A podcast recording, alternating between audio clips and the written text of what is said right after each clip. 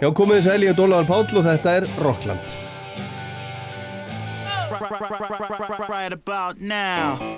Þið auglýsið hitt og annað, hérna hitt og annað sem svo aldrei kemur. Það var bara ekki auglýst, það var auglýst hvennasöng.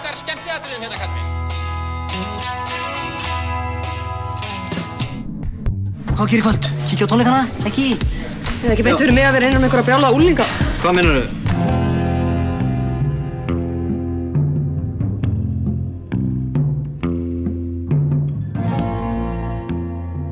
Í Rockland í dag er málmálana nýja platan frá Coldplay, hún kom út fyrir rúmri viku, heitir Everyday Life, tvöfalt album, fyrir platan heitir Sunrise og setni platan Sunset og þar kennir Ímis að grasa og við ætlum í Rocklandin í dag að renna yfir þessa blödu og reyna að kynast henni aðeins og mér til aðstóðar á því ferðalagi eru til dæmis Chris Martin, söngvari Coldplay, Vera Íllóðdóttir, Dr. Arnar Eggert Tórótsen og Ardís Björk Áskistóttir, þulur á Rás 1.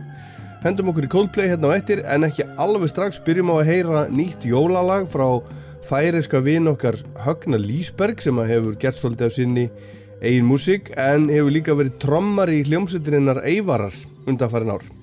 Lægið er, eftir því sem ég kemst næst, eftir Högna en það hljómar svolítið bara eins og gamalt ennst þjóðlag og heitir The Lady of Locksby. A gentleman came strolling down the park one winter's day. He met the fairest lady there, she pled with him to stay. Her hair of gold possessed his soul, he never looked away. A gentleman came strolling down the park one winter's day.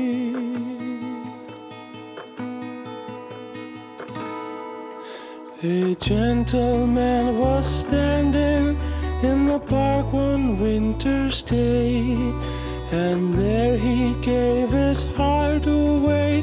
The price of love was paid.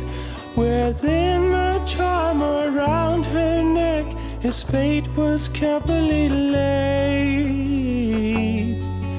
A gentleman was standing in the park one winter's day.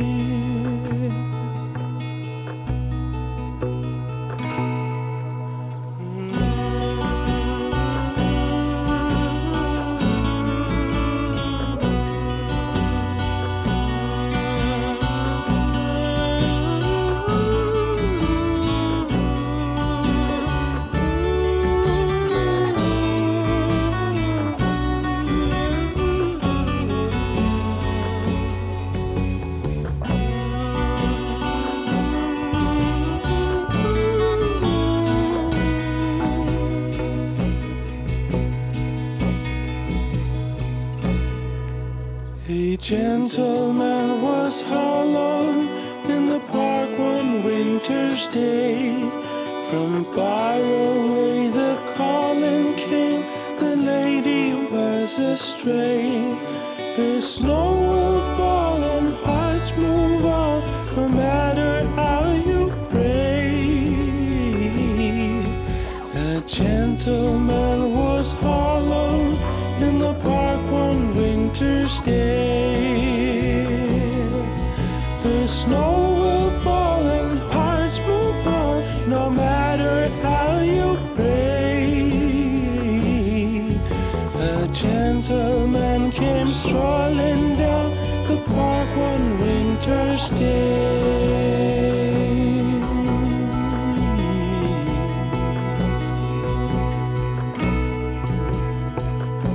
Færisk jóla eða vetrarstemning Þetta er ekki beint kannski jólalag Þetta er meira svona vetrarstemning Högni Lísberg frá Færiðum The Lady of Locksby, splungun nýtt. Held ég alveg, ég held að þetta sé ekki gammal ég held að þetta sé bara eftir, eftir hann. En ef einhver, einhver veit eitthvað meira þá má hann bara leira þetta með Senda mér bara post til dæmis á olipalli at roof.is En Studio 12 brá sér á bæ á föstudaginn. Það kom ekki hljómsveit í Studio 12 eins og yfirleitt á föstudögum heldur fór Studio 12 út í bæ, nánar tiltekið í Hafnarfjörð þar sem stórsveit Bakkalúts var að æfa 20 mannaband fyrir alla Bakkalúts tónleikana og við fengum fjögur lög frá Bakkalúti, þar af eitt splungu nýtt. Og áður en við heyrum það aftur hérna skulum við heyra aðeins hvað við spjöllum um, ég spjallaði við á bakalútana líka. Ég spurði þá til dæmis að því hvað þeir gerðu fyrir sig til þess að hafa þetta skemmtilegan tíma í desember, þetta eru átján tónleikar sem að þeir spila í desember í háskóla bíói og maður þarf þetta að hafa fyrir því þannig að þetta sé alltaf og endalust gaman, en hvað gera þeir? Já, við förum yfirleitt í meilabúðuna og köpum týrekt Eh, Ekki segja það nema þú sést að fá afsláttar. Fáum reyndar ekki afslátt við En við höfum aldrei, við höfum aldrei, við höfum ekki eins og við beðum afslátt. Við höfum- við við alltaf eftir hverju Já, nú þurfum við að fara að gera þetta einhvern veginn svolítið gáðulega En svo endar þetta er alltaf á því að við bara í förum í meilabúðuna bara svona tveimur tímum fyrir gig Hrúum einhverju bara í, í, hverjuna og, Allir sjúklega byrjaðar á grunum svo stóra hverju Já, og já, þetta er svona þetta sem við gerum uh, Annað sem við gerum er að Sammi kemur með jólaplötusafni sitt Já. og DJ-ar og við setjum hérna setjum upp uh, spíkara og vínilplötu uh, svona. Í fyrra settum við diskogólfið ekki á svið, heldur niður í backstageið Já. Eh, Ég er búinn að tala fyrir núna í nokkur ára að fá svona sána svona tunnu Sánatunnu? til að hafa baksviðs Það er ekki komið fjárviting fyrir henni Nei, hún, það er eitt af þessu sem hefur verið stoppað Já. og ég ætla að halda áfram að reyna að fá það í gegn Svo voru kójur í fyrra. Já, svo vorum við kójur og nuddara. Nuddara, já Og Og Arinn. Arinn, Arinn, já, digital, sko, digital Arinn Já. Svo höfum við þarna klukkutíma á milli tónleika á hverjum degi. Það eru tónleika klukka 5 og 9 sko. Við höfum þarna klukkutíma á milli til að borða og þá er nú yfirleitt gert svona sæmilega við okkur í mat. Já. En er ekkert erfitt að fara upp á svið og syngja og spila svona ef maður er búinn að tróða í sig? Já, það er nefnilega vandamáli. Maður verður að passa sig að tróða ekki í sig. Já. Nú þarf maður að hafa hemil á sér. Það Já. er erfitt á aðvendunni. Já. Sko, það, það er svona, það er, það er, það er, það er svolítið, það er mála að setja upp svona sjó, sko Já. En það er miklu meira mála að setja upp, hérna Feeling, feeling baksins og það er, við höfum eitt bara svolítið miklu tíma í það Já, það skip, skip, skiptir máli í alvörunni. Já, já. Að þetta sé, sé ekki Já. bara einhvern veginn já. þarna neyri. Sá fílingur skila sér yfirleitt upp á sig. Já. Menn mæta bara. Þegar menn eru alveg að fara að guppa, þeir eru búin að borða svo mikið, það skýla Já. sér upp á sviði. Og, og, og, og spila 16 sinnum sama programmið. Jafnvel átján sinnum. Ha? Jafnvel átján Já, sinnum. akkurat. Herðu, en það er nýja lagið. Já, erum við, við erum að tala um frumflutning. Já, það er svo mikil eftirspurn eftir nýjum jólalögum Já. Að hérna Við stóðumst ekki í mótið Þetta er, já, við vorum búin að ákveða hvað það heita uh, Afsækið þetta smáræði Afsækið þetta smáræði, er það, er það loka? smáræði eða svona, já. Er Það að heita nokkrum nöfnum lag. já, eins og? Það má nú aðeins. Það hétt Mánu aðeins Nó- hérna frammi. Nóg til frammi hérna. En hérna, þetta er svona þe- þessu, eh, hvað ég að segja, þessi afsakandi hérna geskjafi sem hérna, hérna er að raða kræsingum í gestina. Já, og hver á lag, lag, lag og texta? Er það, það Ég á er það þetta nú lestin? svona að mestu. Eh, lestin? Það er lestin. Já. Svo eru menn búin að skjóta einhverju svona mörgum að sínum eftirlæti sljómum hérna hér og þar. Já. Ljómandi. Herðu, nafnið aftur, nafnið aftur, ég, ég, ég er búin að gleyma því. Það, það, Ah, já, eh, afsakið þetta þetta smáræði, bakalótur, Studio 12 í. Fyrirgefðu Gjör þið svo vel. Frumflutningur og svo beint á toppinn.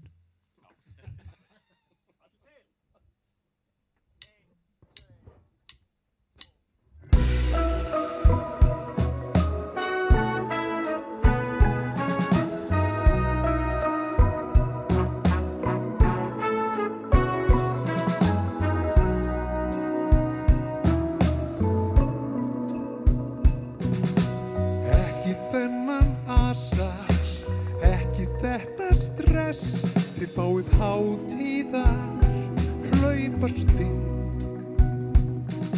Ég lagði nokkrar sortir, mig langaði til þess, bara svo lítinn samtíning. Eitthvað sem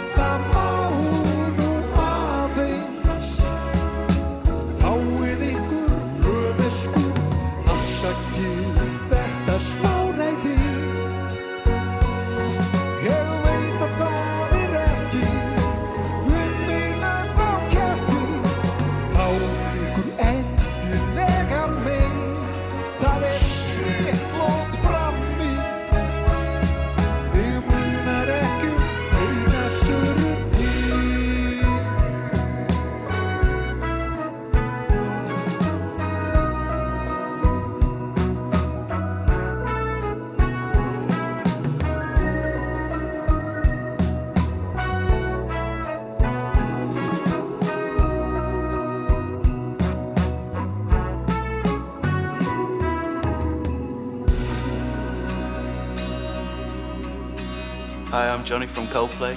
And I'm Guy from Coldplay, and this is Icelandic National Radio 2. You're listening to Rockland.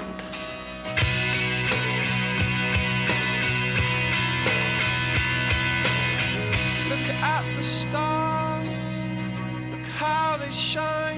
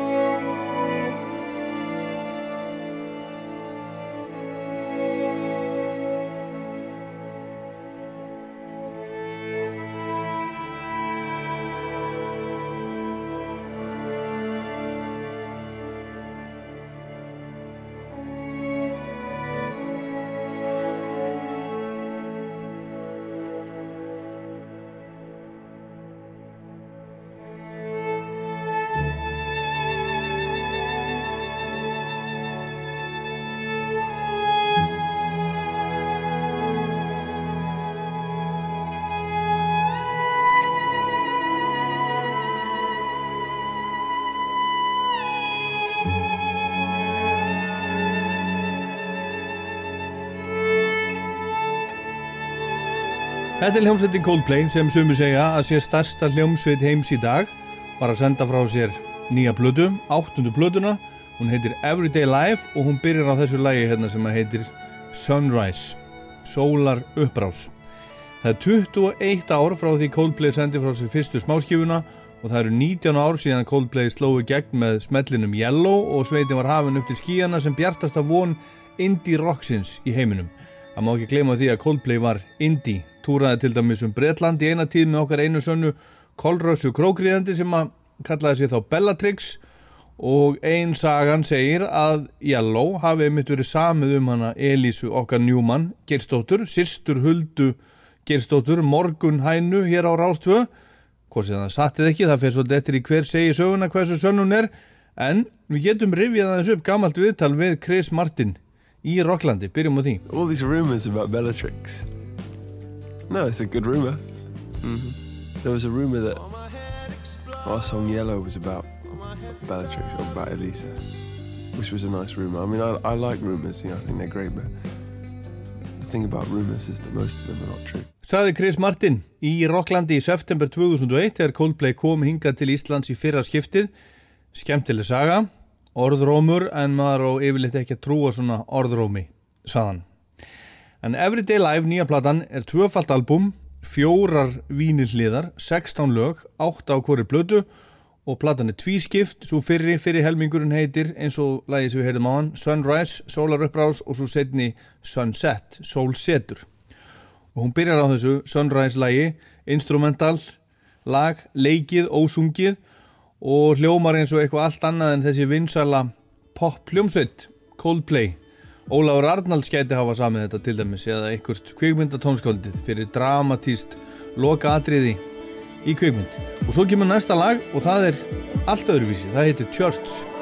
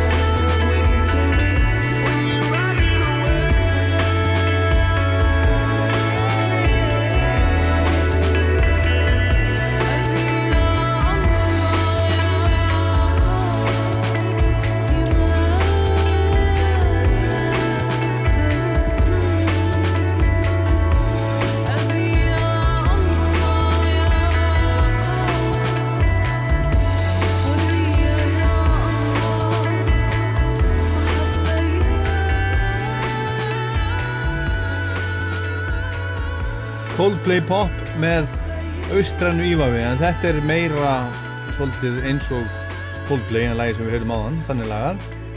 Þetta hefði vel gett átt heima á einhverjum af hinum blöðunum sjö sem sveitin hefur sendt á sér og kannski svona frekar þeim sem að síðast komum svona setni blöðunum en síðasta plata, A Head Full of Dreams sem kom úr 2015 er lang poppaðasta platan þeirra Það hefði lítið heyrst í Coldplay í dálítinn tíma þegar sveitin let hengja upp svartkvít plakot við Ísvegarum heiminn núna í haust sem gáði til kynna að eitthvað færi líklega að, að, að gerast hjá sveitinni. Færi að draga til tíðinda svona brálega og nokkrum dögum setna fengu svo ymsir aðdáendur sem eru þá í aðdáendaklubnum þeirra uh, bref með póstinum frá sveitinni sem að sagði eitthvað að þessa leið. Kæru vinnir, ég veit að ég skrif ekki mjög vel en við vonum að hvar sem þú ert sé allt í góðu legi. Undanfærin hundra árið að svo erum við búin að vera að vinna því sem við köllum Everyday Life. Þið sjáum við kannski á næstu dögum í smáulisingunum, í lokal blöðunum, tvöfalt album til sölu, aðeins eitt fyrir eigandi vel með farið. Helmingurinn er kallaður Sunrise og hinn helmingurinn Sunset. Hún kemur úr 20. og 2. november. Það er einhvern veginn svona sem okkur líður í dag. Við sendum ykkur helling af ást úr hýði okkar. Chris, Johnny, Guy og Will Champion. 20. og 3. oktober byrtir svo í smáulisingum viðsvegarum heiminn lagalisti nýra plötu frá Coldplay til dæmis í North Wales Daily Post þar sem að Johnny Buckland gítarleikari hljómsveitarnar vann í eina tíð í stöttastund hann ólst upp í Pantamín í Wales og þar byrti sem sagt lagalisti nýju Coldplay plötunar við hliði smáauðlýsinga um notaðan fristiskáp til sölu og, og, og, og heibala og nota rúm og 19. november byrstu svo textar plötunar í Otago Daily Times í Nýja Sjálflandi og síðasta fyrstadag 22. november kom platans út Trouble in town Because they cut my brother down Because my sister can't wear her crown. There's trouble, there's trouble in town. Blood on the beat. Oh my goodness, there's blood on the beat. Law at the jungle or the law of the street. There's blood on, there's blood on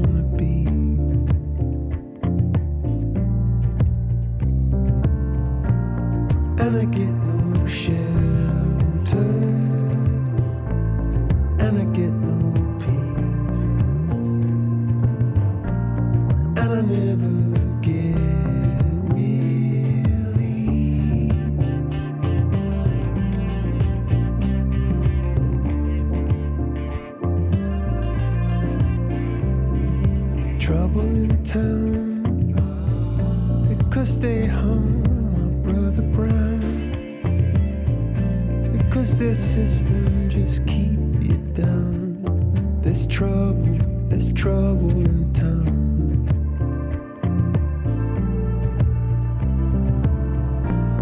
And I get no shelter. And I get no peace. And I just get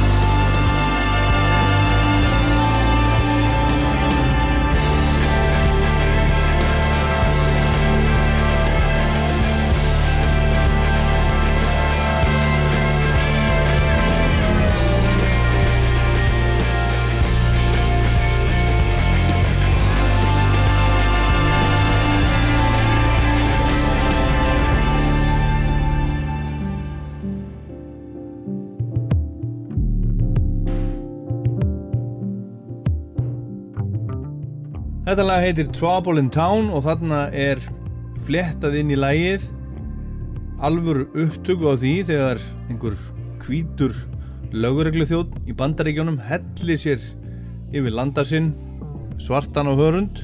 Þetta lag fjallar um, um kynþáttahatur, misrétti og kúun í víðu samhengi. Trouble in Town because they cut my brother down because my sister can't wear her crown there's trouble, there's trouble in town. Ekki veit ég hvaðan þessi upptaka kemur en hún er hugveikjandi.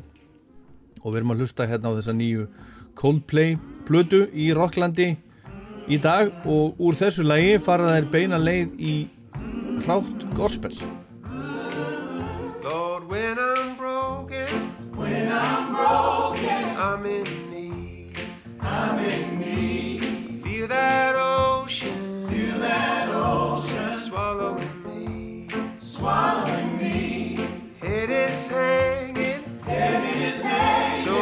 are afraid.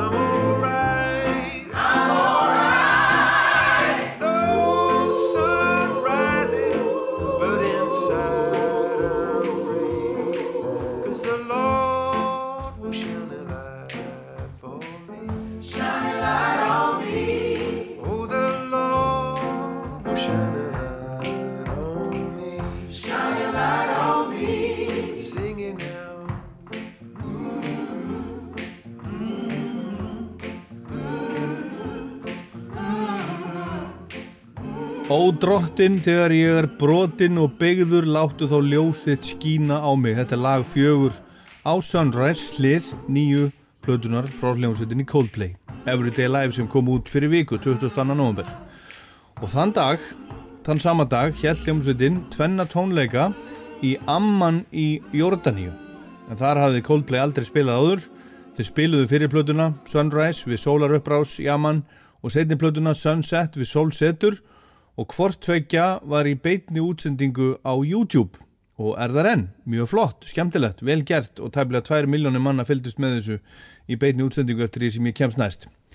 Og daginn eftir, á lögadaginn, held Coldplay svo tónleika aftur í uh, Amman, eða Citadel í miðborg Amman, þar spilaði sveitin alla nýju plötuna og nýju önnu lög, þar á meðal Sparks og Lovers in Japan sem sveitin hafði ekki spilað árum saman. En hvers vegna voru þeir að gera þetta þarna í Amman í Jórdaníu? Chris Martin svaraði þeirri spurningu í viðtali í New Musical Express fyrir nokkru dögum. NME var með Bladamann með Coldplay í Amman og Chris sagði eitthvað á þessa leið.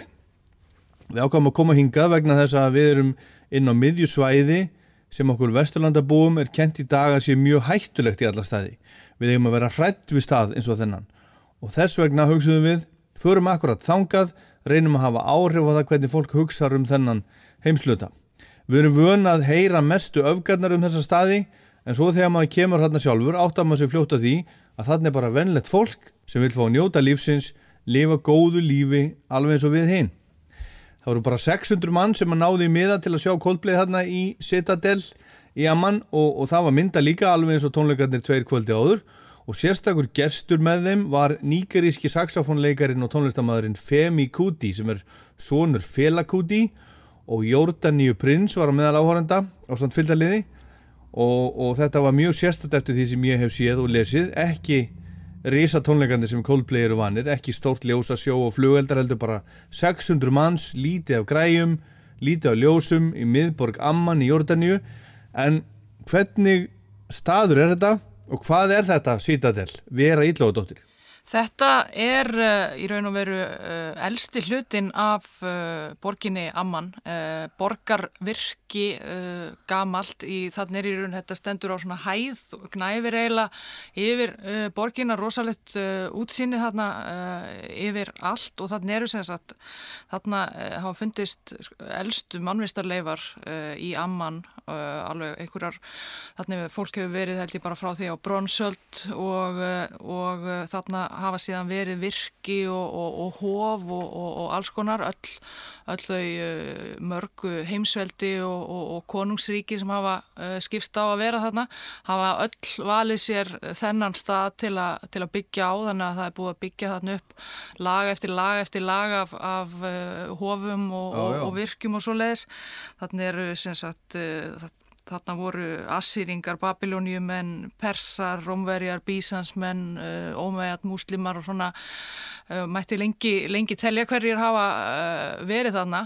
og eru sem sagt mjög mikilfenglega rústir sem á sjá þarna í dag. Þannig er rómverst, stórt rómverst hof eða svona rústir af því og sumuleiðis uh, kirkja frá dögum Bísansmanna og svo Sem að er hvaða tími? Eh, Það er þarna, eh, það er þarna á einhver tíman á svona fjóruðu, fymtu öld og síðan eh, önnur glæsileg bygging sem ég, mér sýnist að- Coldplay hafi mitt valið að spila beint fyrir framann er, er höll frá, frá dögum ómæjat múslima einhver tíman nokkrum öldum öldum síðar. Þannig að þannig er uh, rosalega margt að sjá og skoða og þetta er svona vinsæll, örgulega vinsælasti svona ferðamannastaðurinn í, í Amman. Þannig líka uh, eru þið með fordlega safnið sitt og uh, svona mikill ströymur uh, þarna umbæði af, af ferðamönnum og líka bara almennum uh, borgarbúum sem nota þetta svona sem um, útöðustarsvæði Já, á já. mikilfenglera tæginu. Já, já.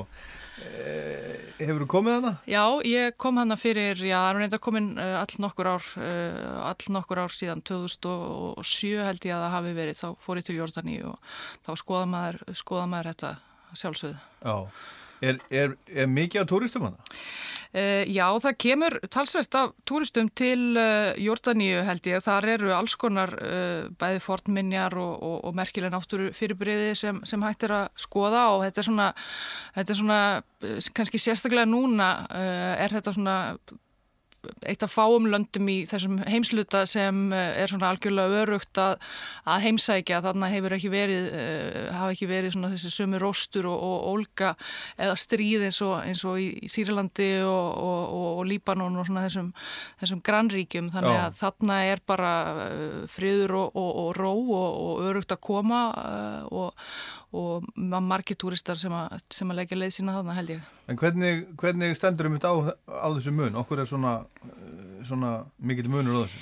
Uh, Jordania hefur bara, he, þeim hefur einhvern veginn tekist að- að að halda, halda friðin, þannig er konungur sem að uh, er svona bara uh, nokkuð vinsell virðist vera meðal, meðal uh, þegna sinna. Það voru svona, það bara eitthvað á mótmælum gegn honum uh, í arabiska vorinu en það var aldrei neitt í líkingu við, við annar staðar en það er hann svo sem ekki sami harðstjórin og, og margir aðrir valdamenn á, á, á þessum slóðum. Uh, kannski svona helsta uh, vandamálið er, er flóttamanna ströymur uh, núna til dæmis frá, frá Sýrlandi yfir til, yfir til Jordaníu sem hefur uh, reynst þeim daldið, daldið erfitt en, en þetta er svona, þetta er ágætlega stætt land og, og, og já, virðist ætla að haldast bara friðsælt. Já, og þarna var, var á tónleikunum á, á, á lögadaginn Jórdaníu Prins.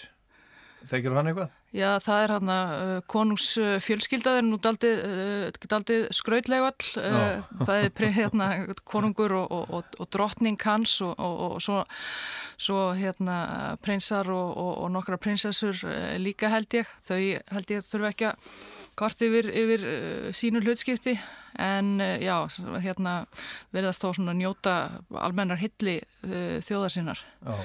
Þetta er mi- mikið, hérna, mikið til, ég veit að konungurinn allavega er, er, er mikið flugmaður og, og svona daldill, daldill spaði þó hann sé svona frekar, frekar lítill og væskilslegur að að sjá og, eh, og kona hans eh, drottningin mikil, mikil eh, mjög glæsileg kona og, og virt svona í araba heiminum.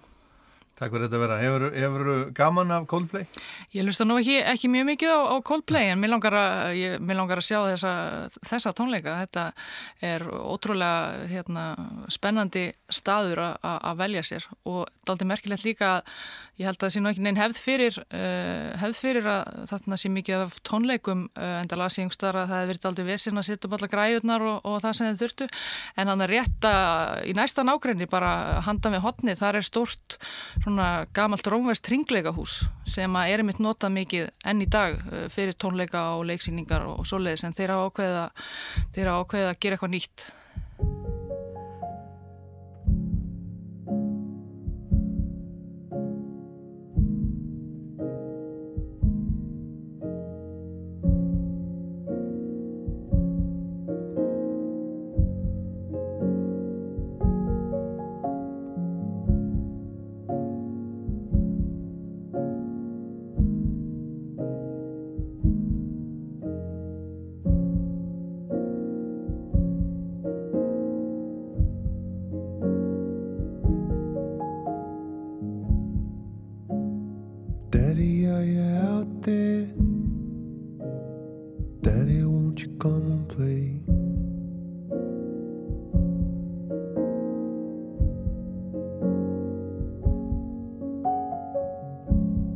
Daddy, do you not care? Is there nothing that you wanna say?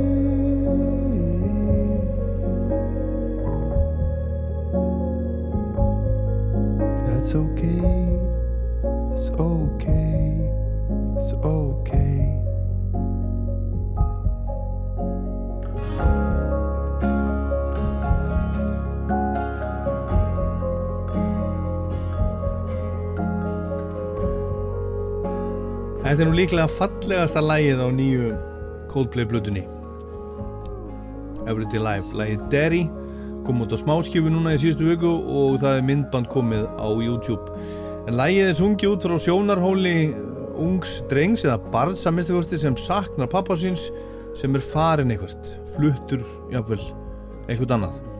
Myndbandi við lægið sín er unga stúlku á árabát sem er tínd einhver staðar út á hafi eða vilt en þeir sem gerðu myndbandið sem er leirað og, og, og teiknað hafa gert teiknumyndir sem mörg okkar hafa séð. Wallace and Gromit og Chicken Run. Og mér finnst þetta virkilega fínt lag. Virkilega.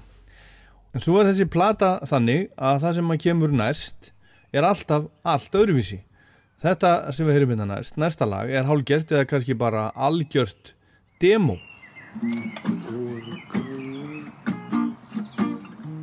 I shall be strong. Wonder the world, power the people. I went on. My faith is strong.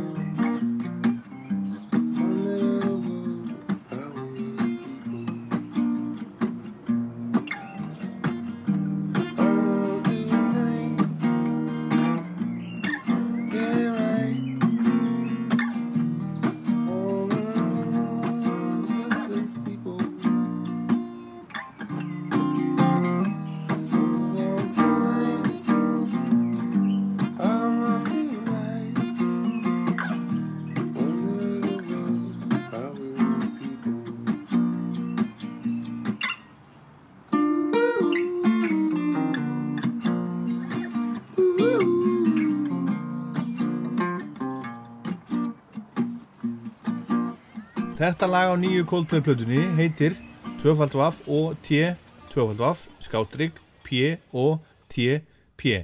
Og það gæti hugsanlega staði fyrir War of the Worlds Pop of the Pops. En ég hef ekki hugmyndu hvort það er rétt. En tónleikarnir í Amman lögadaginn fyrir viku voru næstum helmingurinn af þeim tónleikum sem Coldplay ætlar að spila núna í bíli og er rauninni einu svona stóru fullu tónleikandir en Coldplay spilaði tvísvar í vikunni í London.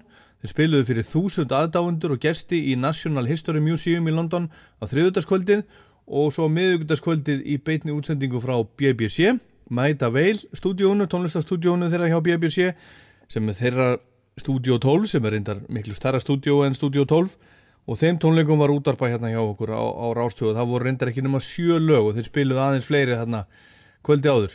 Og ágóðin af tónleikunum í náttúrugreifasafninu þeir fara til umhverfismála til lofslagsmála og þar voru, las ég drikkir borðnir fram í einnota plasti sem er ekki alveg í takt við það sem er að gera en Coldplay let hafa eftir sér núna á dögunum að þeir ætluð ekki að túra þessa blödu, allar ætlar ekki að fylgja henni eftir með tónleikaferðalegi vegna þess að tónleikaferðalög hljómsveita menga talsvert. Það er mikið flóið og með mikið af mannskap og allskinn stóti og nú ætlar Coldplay að hugsa hlutinu på nýtt. Þeir vilja reyna að finna sjálfbærari leið til þess að spila fyrir fólk. En þegar Coldplay fylgdi eftir síðustu blödu A Head Full of Dreams sem kom úr 2015 þá spiluðu þeir 122 tónleika út um allan heim.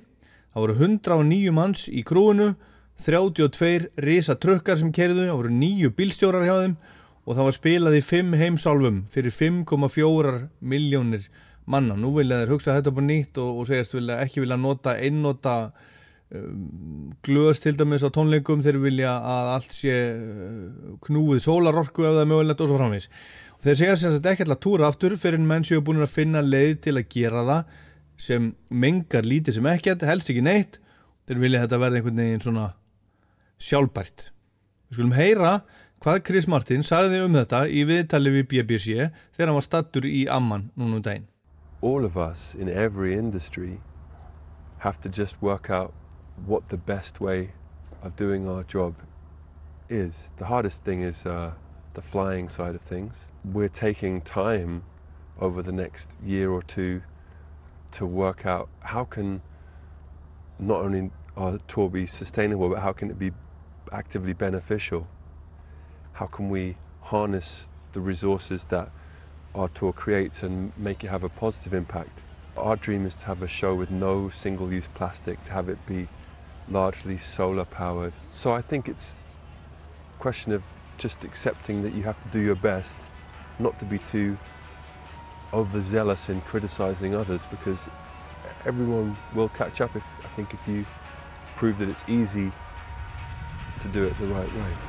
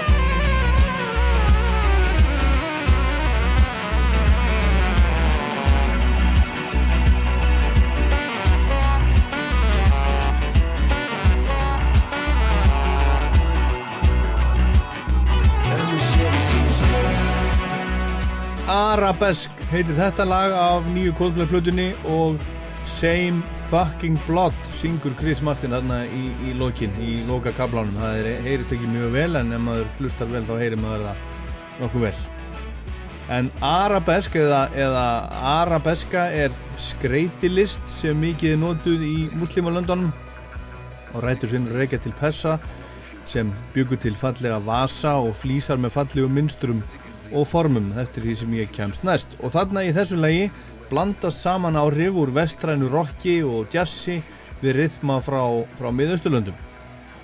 Þeir Coldplay menn hafa löngu verið eins og kollegar þeirra í YouTube talsmenn samkendar og einingar en ekki átaka og stríðsbrölds og hafa stöðlað að tengingu millir ólíkra menningar heima með tónlistinni og í þessu lagi þá eru þeir að tala um að, að þar sem að maður velji ekki landið sem maður fæðist í þá eigi maður ekki að dæma fólk sem hefur ekkert unnið sér til saka annað en að hafa fæðist einhverstar annar starf maður sjálfur, til dæmis í miðausturlöndum.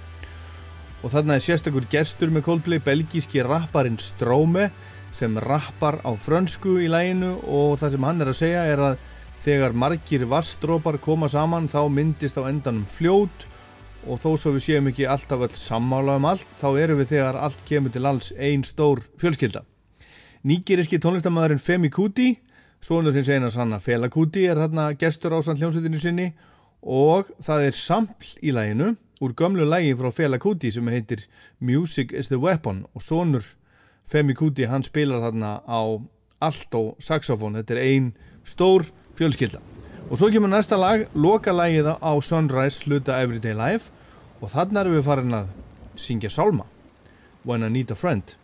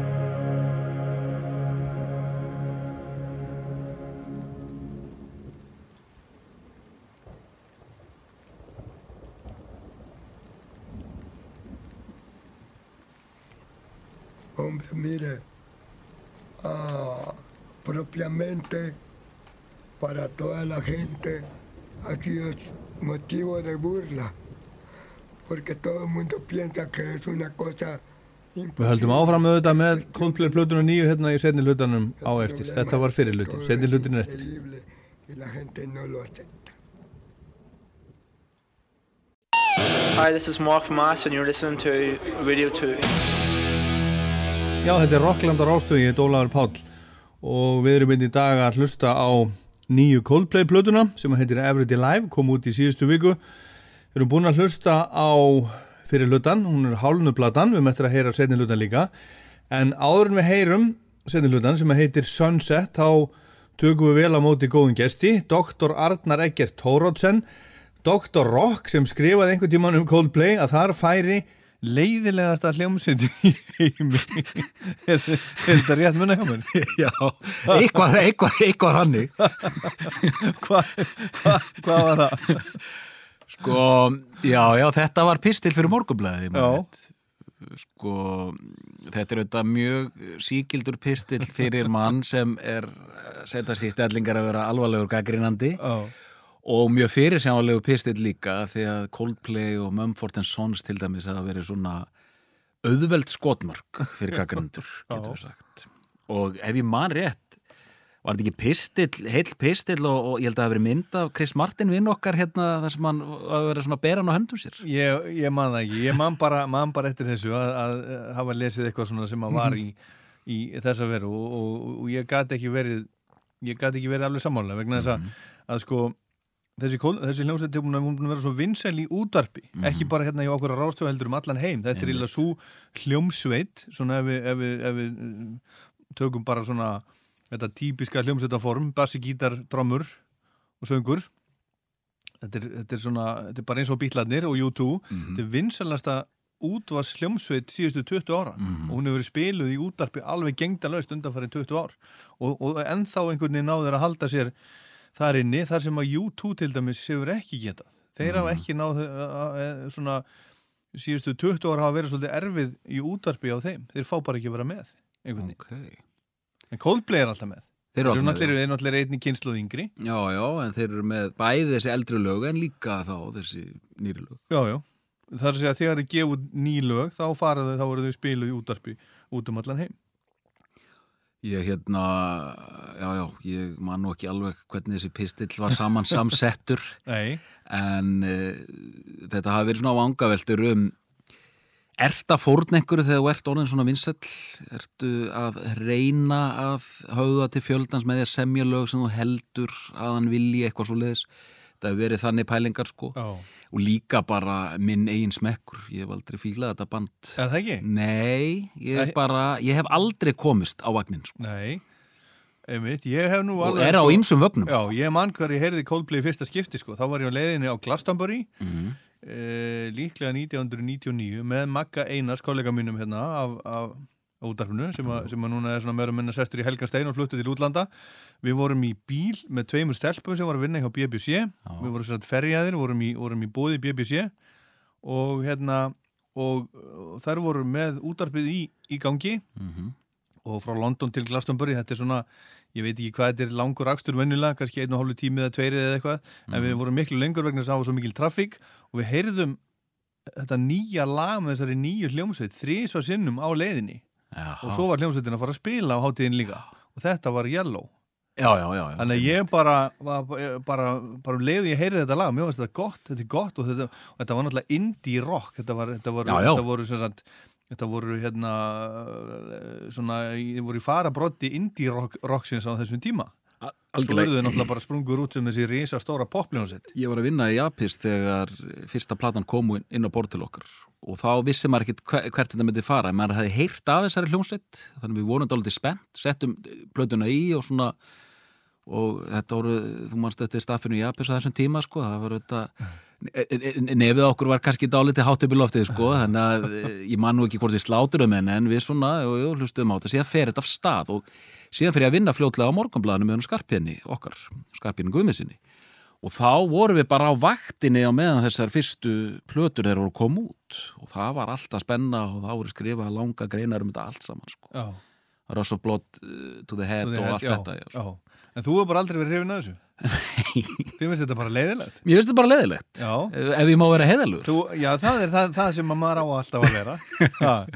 En ertu uh, búin að hlusta á, á nýju blötuna? Það hef ég nefnilega gert Já, og finnst þetta ennþá jafn leiðilegt? Nei, ég uh, og hva, hvaða breytur eru að valda því? Er ég orðin svona meir? Er ég orðin svona gammal um, en ég bara setti þessa plötu á. Ég las dóm eftir hann, hann heitir Alexis Petridis, skrifa fyrir Guardian. Gaggrendi þar? Og hann skrifaði dóm um plötuna. Gaf henni þrjár stjörnur en sko það sem hann skrifaði fannst mér þetta álítið áhugavert. Ég bara, hún var þá komin út á Spotify, Mhm. ég bara sett hann á. Átti þarna morgun bara, ég var einn í húsinu. Já, fannst þetta bara indislegt sko. Indislegt bara. En hvað er hérna, sko, um, hvað, uh, svona, þú, þú, hefur, hefur nú fylgst með þeim Mhm, og allt það. algjörlega. Hvað svona einkennir finnst þér þessa, þessa hljómsveit í dag og eru það rótni betri í, í að vera U2 en U2? Ég var einmitt að hugsa um þetta eh, um þessa plötu, getur verið að núna þessi plata, hún er dálitið skritinn Já. og hún er dálitið öðruvís en það sem þeir hafa gert. Og þeir eru í mjög svona finnst mér svona róleg heita gýr sko fyrstu 5-6 lögin þá er maður bara rosa þægilegt án þess að vera ódýrt. Og það sem hefur háð þessu bandi hefur alltaf verið þeir gefa út þessar fyrstu þrjár plötur og verða mjög vinsalir, þetta eru grípandi lög og þú veist, Chris Martin með rosa sjarma og hann ber bandið dálítið að því leitinu til og þetta verður bara vinsalt síðan það sem er trublaði með alltaf voru yfirlýsingar frá þeim, heyrðu næsta plata verður rosalega tilhörnakjönd Mhm. maður bara, já, ok. Og umslögin hafa oft verið mjög skrítin hjá þeim. Mann sérstaklega hana La Vita, Da Vita hana, bæði mjög förðulegu titill og mjög förðulegt umslag líka. Já. og bara svona, já, ok, vá, ok, hvað kemur núna? Verður þetta bara ykkur algjör síra? Síðan er það aldrei reyndin sko. Eh, og svona, ok, og, og síðan, síðan finnst mér þetta svona síðan hef ég nánast bara hægt að fylgjast með hérna síðasta plata og myndi vall eftir henni síðan kemur þessi plata.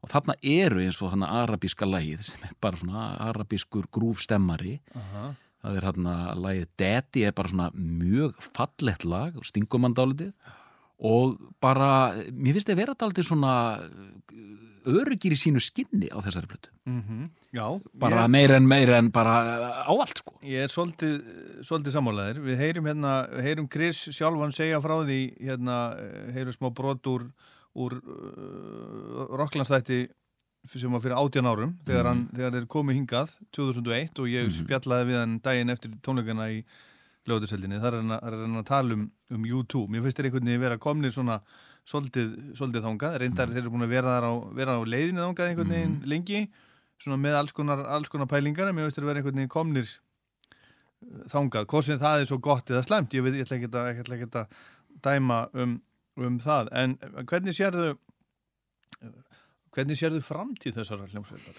Dr. Arnar Engert Þorvaldsson uh, hann uh, sagði mitt þarna tíður hérna, Petrítis hann sagði að það sem hefur verið dálítið vandi fyrir Coldplay er að þeim hefur alltaf langað til að vera stærsta hljómsveit í heimi og ég held að hann hafi mér sér líst í yfir Chris Já. Martin, þetta er mjög einfalt við ætlum að vera stærri en U2 Já. og um leið og þeir hafa alltaf sínt ákveðin vilja til að vera dálítið tilraunakendir og það hefur dálítið farið svona á mis, hefur mér fundist. Mér finnst þessi plata vera eiginlega bara mjög vel balanseruð upp á aðgengilegheit og, og, og tilraunamennsku. Framtíðin, sko ég er búin að frétta því að þeir ætla ekki að halda tónleika í einhver tíma. Uh, mér finnst þessi plata vera svo sko og no code með Pearl Jam. Mér fannst það vera, það er uppáhalds Pearl Jam plata mín að því mér finnst hún mjög cool. Hún er svona tilhörnakend og þar er hérna svona arabíu fílingur í gangi þessi plata þegar uh, menni svo Nick Cave og fleiri er að búa til virkilega flott verk seint á, á, á, á ferlinum mér finnst það bara, mér finnst hún mjög aðteglisverða þýleitinu til þessi nýjasta Coldplay plata ég meina hvað er búin að vera lengi í þessu bransa, meir en 20 ár Já, nánast. 20 ár. Já, 20 ár. En sko með framtíðina ég veit það ekki, en það verður dálítið erfitt að fylgja þessari blötu eftir. Ég, kemur ljóskort að þetta er bara e, þetta eina skipti sem gera svona risa konsept og enn í mjög hrifuna umslæðinu, mm. minnst það mjög cool og þú veist, eh, þetta sem þú benti mér á þarna tónleikanir hann í Amman þetta, þetta er allt mjög flott sko þannig að, já, þetta þetta komið dálítið óvart þetta er ekki, þetta er ekki þreytt þreytt ljómsveit greinlega Nei Herðu, Arnar, við skulum heyra hérna, við skulum bara, bara byrja á, á seti blutunni, Sunset hliðinni. Takk fyrir komuna. Takk.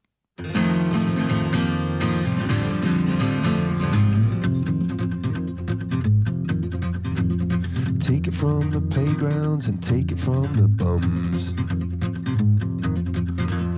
Take it from the hospitals and squeeze it from the slums. All the kids make pistols with their fingers and their thumbs. Advertise a revolution arm it when it comes. We're cooking up the zeros, we've been doing all the sums. The judgment of this court is we need more guns up.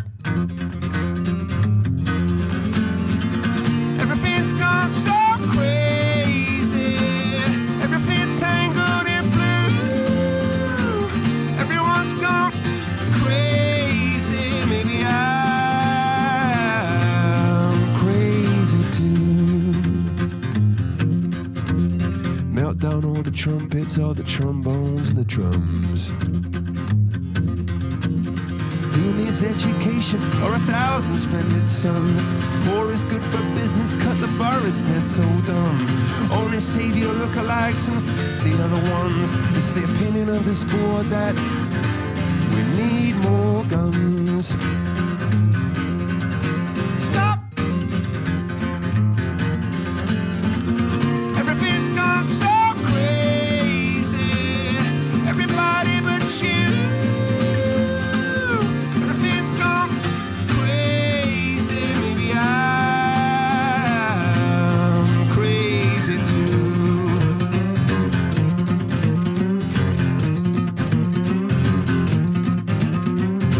Þetta er eins og eitthvað gammalt lag eftir, eftir Bob Dylan, þetta heitir, heitir Guns. Uppáfslægið á Sunset hlið Sunset plötu Everyday Life með Coldplay. Everyone's gone fucking crazy. Maybe I'm crazy too. En næsta lag er lagið sem hefur hljómað í útarpundavarið, það heitir Orphans og þar er bullandi pólitík í gangi eins og reyndar í þessu Guns lagi. Lagið segir frá venjulegu fólki sem býr í Sýrlandi, fólki sem tapar fjölskyldum sínum í sprengju árásum bandarækjamanna á Sýrland en í apríli fyrra fyrirskipaði Donald Trump sprengju árás á Damaskus í þeim tilgangi að hefna fyrir mynda efnavopna árás fósetta Sýrlands, Bashar al-Assad. Sprengjónum var beint að efnavopnaversmiðu Assads en fjöldi saglaustra borgara fjall eins og svo oft gerist þegar menn eru að varpa sprengjum neikvort. Og í læginu syngur Chris Martin undir lokin við verðum líklega að ala okkur upp sjálf. Og þau Rosalín og Baba sem segir frá í læginu er að hugsa tilbaka og segja Oh, I want to know when I can go back and get drunk with my friends. I want to know when I can go back and feel home again. En heyrum hérna hvað Chris Martin sagði í viðtali við BBC í Jordaníu núna um daginn þegar hann var statuð þar. Hvernig vefur BBC og lítil frétt á vef BBC hafði áhrif á þessa blötu og var kveikjanað þessu orfans lei. I think that although I don't really know where the music comes from, I think it's floating around or whatever. Sometimes, if you're reading and you're looking, these little blooms of things that you feel might be great to sing about appear, and on on your website is a lot of them. Well, actually, it's funny. There was an article on the BBC website, which is what I look at a lot. In fact, they always have these amazing human interest pieces. And there was a piece on there called The Gardener of Kabul about this guy from Kabul who had been a gardener and was trying to get back and grow flowers and plants and everything. And I just thought, you know, the circumstances that this guy has experienced are not unique to him and it could have happened to me or it could have happened to you. So anyway, that was kind of brewing and then this song Orphans arrived. Just thinking about all these young people who are displaced and they get labeled as refugees or migrants, but ultimately they're just young people who want to get on with their lives. And uh, I think that's what the song Orphans is about, and just imagining what that experience might be like. To find these individual stories all around the world just reinforces what I'm talking about our shared humanity rather than our separate, you know, nationalism or stuff that I don't actually believe in.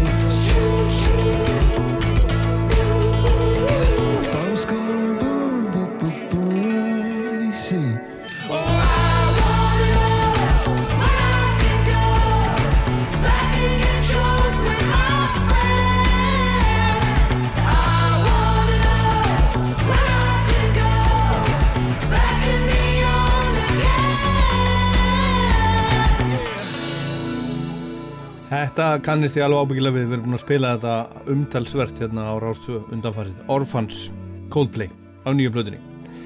Chris Martin, söngvari hljómsveitarinnar, hann saði í viðtali við Annie Mack út á skonu á BBC nú um daginn um lagið að fólki liði hugsanlega aðeins betur ef það reyndi betur að setja sig í annar á spór. Hvort sem það eru flóttakrakkar frá Sílandi eða fólk sem elst upp í Baltimore og í staðins að dæma úr fjarlægð að hugsa þá frekar hvernig ætli þetta fólk hafi það. Og þetta lag, þetta átti ekki að vera með á blöðinni, datt bara inn á hana þegar strákvöndin voru að, eða kallarnir voru að klára hana, datt inn á loka metrónum. Og sonur Chris, unglingssonurinn sem að heitir Moses, er skráður þarna með höfundur. Og mér finnst þeir Coldplay menn heldur betur vera feta í fótspor kollega sinna í U2 á þessari plötu og við skulum rifja hérna upp svolítið brot úr viðtali sem ég átti við Chris Martin hér í Rocklandi fyrir 18 árum síðan árið 2001 daginn eftir Coldplay tónleikana í Lögatarshöll í ágúst 2001 kom Chris hingað í útashúsið eftirleiti og við áttum gott og langt spjall. Helgina eftir hitti ég svo Chris aftur í Slein Kastala í Dublin þar sem hann og Coldplay voru að hita upp fyrir einmitt U2 og við töluðum aðeins um, um U2 hérna í þessu viðtali í útashúsinu fyrir þessum árum, öllum þessum árum síðan. Heyrum brot úr Rocklandsætti nr. 303 frá 9. september 2001. You two, I, I mean, I, if there's one band that I just respect above all other bands, and one band who I take as a benchmark and who, who I won't be satisfied until we've done what they've done, you know, and more or whatever, or done the same level of quality for such a good, consistent time.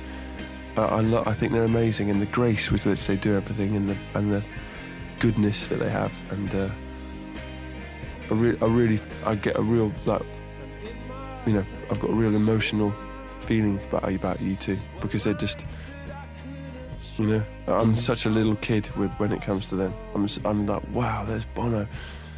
Even though I can now go, hey Bono, how you doing? And he goes, oh, it's nice. to- oh, uh," You know, I, I'm, you know, I totally, totally love that band. Ef það er eitt band í heiminum sem ég virði og öllum öðrum fremur og miða mína hljómsveit við þá er það U2, segir Chris.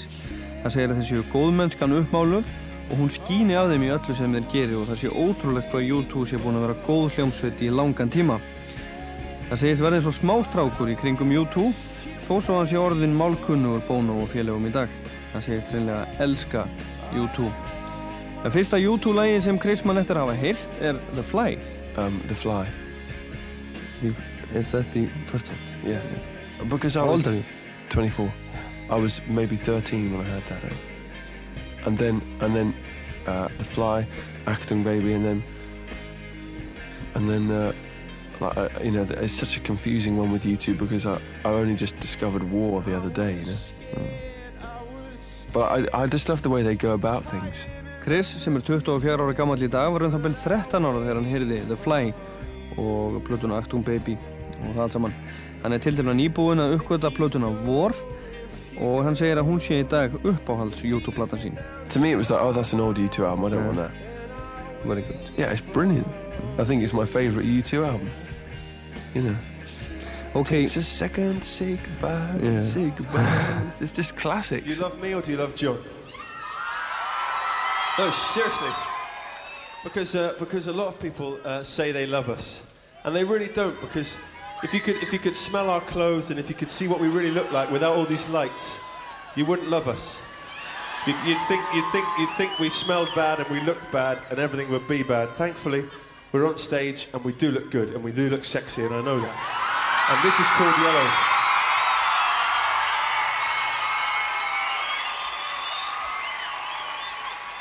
And this is uh, written about. Um, fuck, no, it wasn't.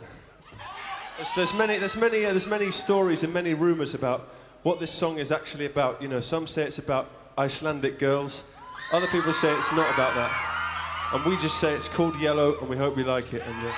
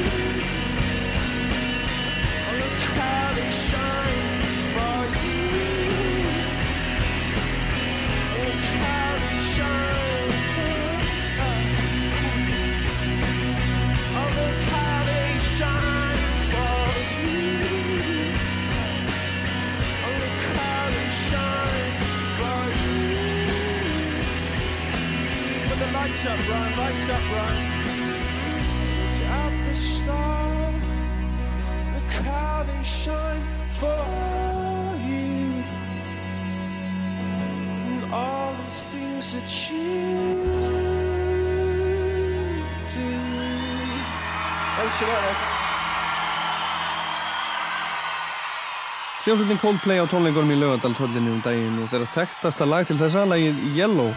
Það var Rást 2 sem hljóðritaði tónleikana og eins og áður sagði þá verður þær fluttir í heilsinni síðar. Hello, this is Chris, the singer of Coldplay, and uh, you're listening to Raustver, and the program is Rockland. Ég hef nú haldið það. Þetta var sérstaklega brot úr Rocklandur um 303 frá 9. september 2001 og þetta er auðvitað, það auðvitað löngu búið að útarpa þessum, þessum tónleikum sem við tókum upp í lögatarsvöllinni með Coldplay. En næsta lag sem við heyrum af nýju Coldplay-plötunni heitir Echo og það minnir til dæmis á lag sem heitir Under African Skies með Paul Simon og hér hljóma gítararnir eins og þessu bara hreinlega spilaðir af mönnum frá Mali.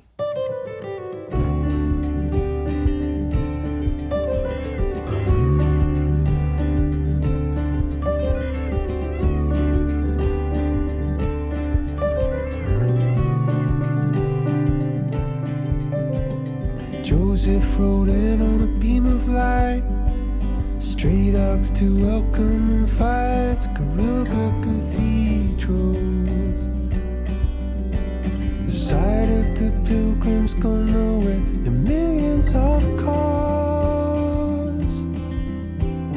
They got a dream in the distance for promises he'd made behind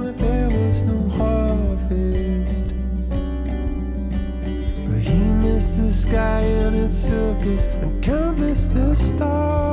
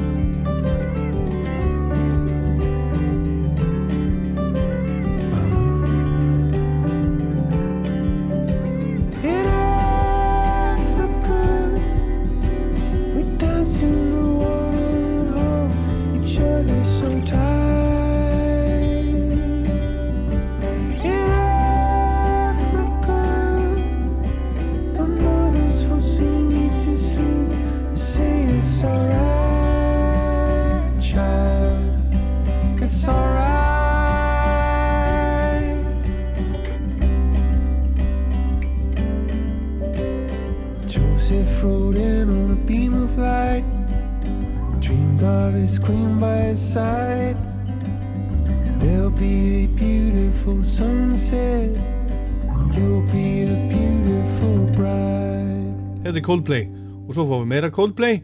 Nú förum við í, í dúvop.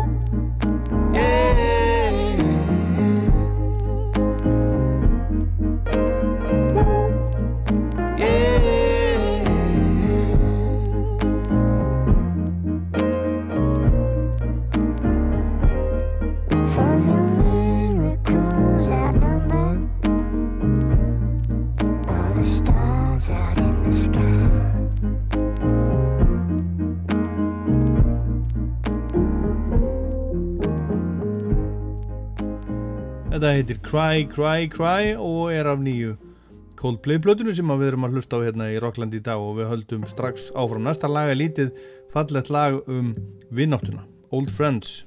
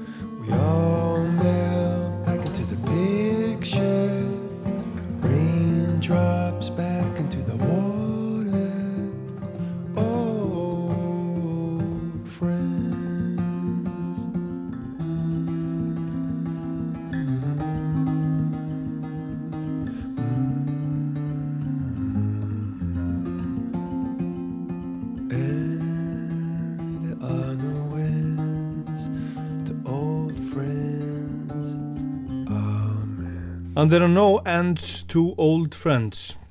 Amen. Það er ekkert betra en gamall og góður traustur vinnur Næsta lag sem við heyrum af þessari plötu sem við erum að hlusta á einn í dag ber engöngu arabískan titil og eftir því sem ég kemst næst þá heitir það í íslenskri þýðingu Börn Adams.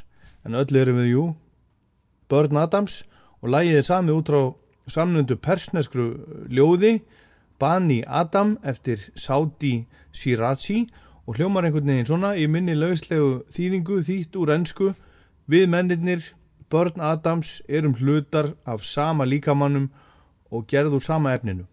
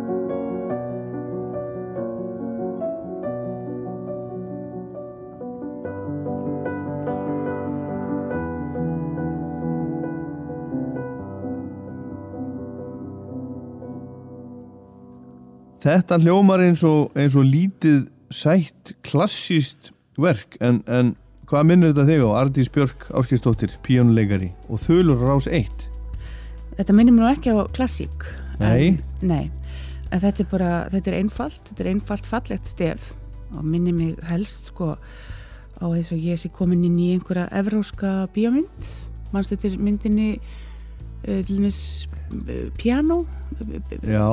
hérna um uh, já, Það var eitthvað svona, svona píjónuan í fjöru það nákvæmlega. Tónlistinu var til Michael, Ny Michael Nyman. Og uh, þetta er svo, svo, svo, svona minimalist endurtekning.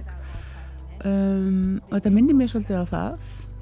Og, og þessa já, það eru fleiri sem hafa verið að gera svona svipaða músík eins og um, pianisti frá Ítali sem heitir Giovanni Alevi þetta er svona, svona svolítið improvisering, hugulegt þægilegt, áheyrnar og þú þekki nú hann hérna Ludovico Einaudi sem er franskur sem hefur Ekki getur nú sagt það reyndar Nei, já, já, en hann hefur til dæmis þú sást myndina hérna Intouchable, hérna Intouchables um Já. mannin, já. Í- hjólastólun Já, Já. mannstu eftir tónlistinu þar? Ekkert sérstaklega Nei, já, já, en þetta minnir mér eitthvað svoleiðis? Já, þetta minnir mér svona á, á já, kannski helst þessa þrjá og ég, segi, þetta eru nokkur hljómar, alls ekki flókið og svo fer þetta, leiðir þetta yfir í þennan fallega texta sem er á, á persnesku eða, eða farsi Aha. og, og það sem er verið að tala um uh, börn Adams og, og, og að mann kynnið sér ein heild og svona, þetta svona tekur svolítið utan um það þannig að kvikmyndatónlist myndi ég heldur segja frekar heldur en klassísk tónlist. Það var um örlítið fleiri hljóma og svolítið flóknari. May there be peace and love. I